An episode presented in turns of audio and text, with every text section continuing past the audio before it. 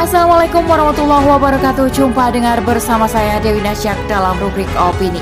Kali ini dengan judul Tarif PDAM naik, rakyat makin tercekik Oleh Anissa Kansa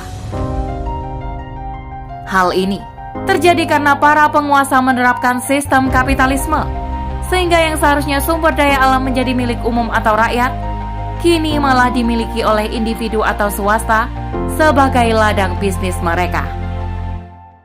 Selengkapnya, tetap di podcast Narasi Pos Media. Narasi Pos, cerdas dalam literasi media, bijak menangkap peristiwa kunci.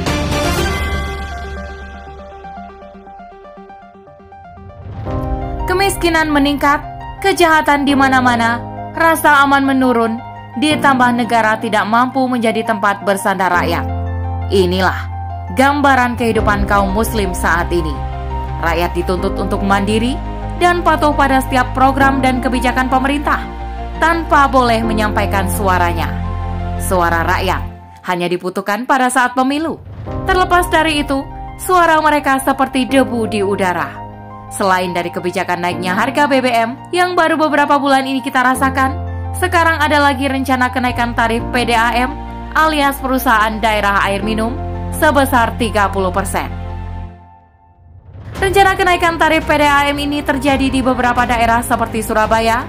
Hal ini disampaikan oleh Wali Kota Surabaya di ruang kerja Balai Kota Surabaya pada 24 November 2022 bahwa tarif PDAM akan segera naik dari Rp600 menjadi Rp2.600 per meter kubik. Tarif kenaikan ini juga terjadi di Indramayu dengan kenaikan 30 persen. Adanya rencana kenaikan tarif di Indramayu menjadikan para perempuan dan berbagai kalangan di sana menolak rencana tersebut. Penolakan tersebut disampaikan langsung ke gedung DPRD Indramayu pada Jumat 27 Januari 2023. Mereka juga menyampaikan bahwa adanya kenaikan ini membuat keadaan mereka semakin tercekik karena mereka baru bangkit dari pandemi COVID-19. Akankah kebijakan tersebut membantu rakyat terutama masyarakat menengah ke bawah atau justru semakin membuat rakyat susah dalam memenuhi kebutuhannya?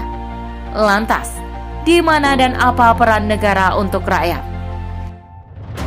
Melihat kondisi yang terjadi di masyarakat saat ini, menunjukkan bahwa mereka belum mampu dan siap atas rencana kenaikan tarif PDAM ini.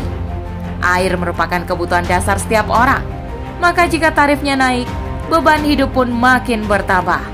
Apalagi mereka juga sedang berjuang bangkit setelah pandemi. Pun bahan pangan yang kian hari makin meningkat harganya, memperparah beban hidup masyarakat. Ditambah banyaknya PHK di mana-mana, perekonomian saat ini mengalami resesi sehingga membuat rakyat harus berjuang lebih keras untuk dapat bertahan hidup dalam kondisi yang semakin sulit. Perlu kita ketahui dan pahami, hal ini terjadi karena para penguasa menerapkan sistem kapitalisme sehingga yang seharusnya sumber daya alam menjadi milik umum atau rakyat, kini malah dimiliki oleh individu atau swasta sebagai ladang bisnis mereka.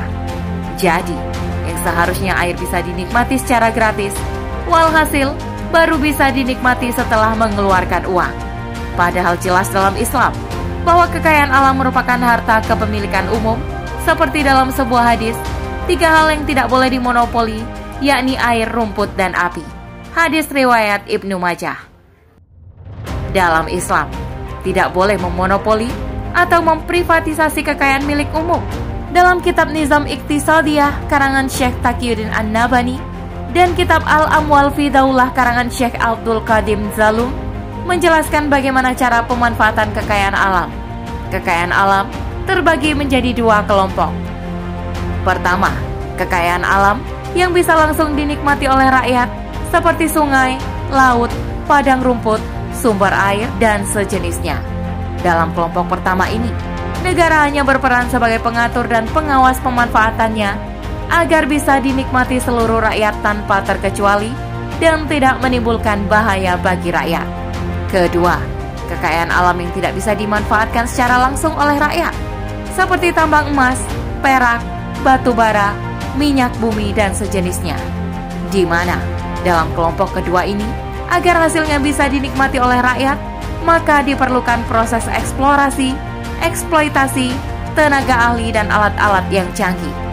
Maka, pengelolaan jenis kedua ini harus dibebankan atau dikelola oleh negara dan hasilnya diberikan kepada rakyat, baik secara langsung dalam bentuk subsidi atau tidak langsung dalam bentuk memberikan jaminan kebutuhan publik seperti kesehatan, pendidikan, dan keamanan secara gratis. Maka, dari kesimpulan ini, menunjukkan bahwa kenaikan tarif BBM merupakan masalah sistematis yang juga harus ditangani dengan solusi yang sistematis pula, yaitu mengganti sistem kapitalis dengan sistem yang berasal dari Islam. Wallahu a'lam bishawab.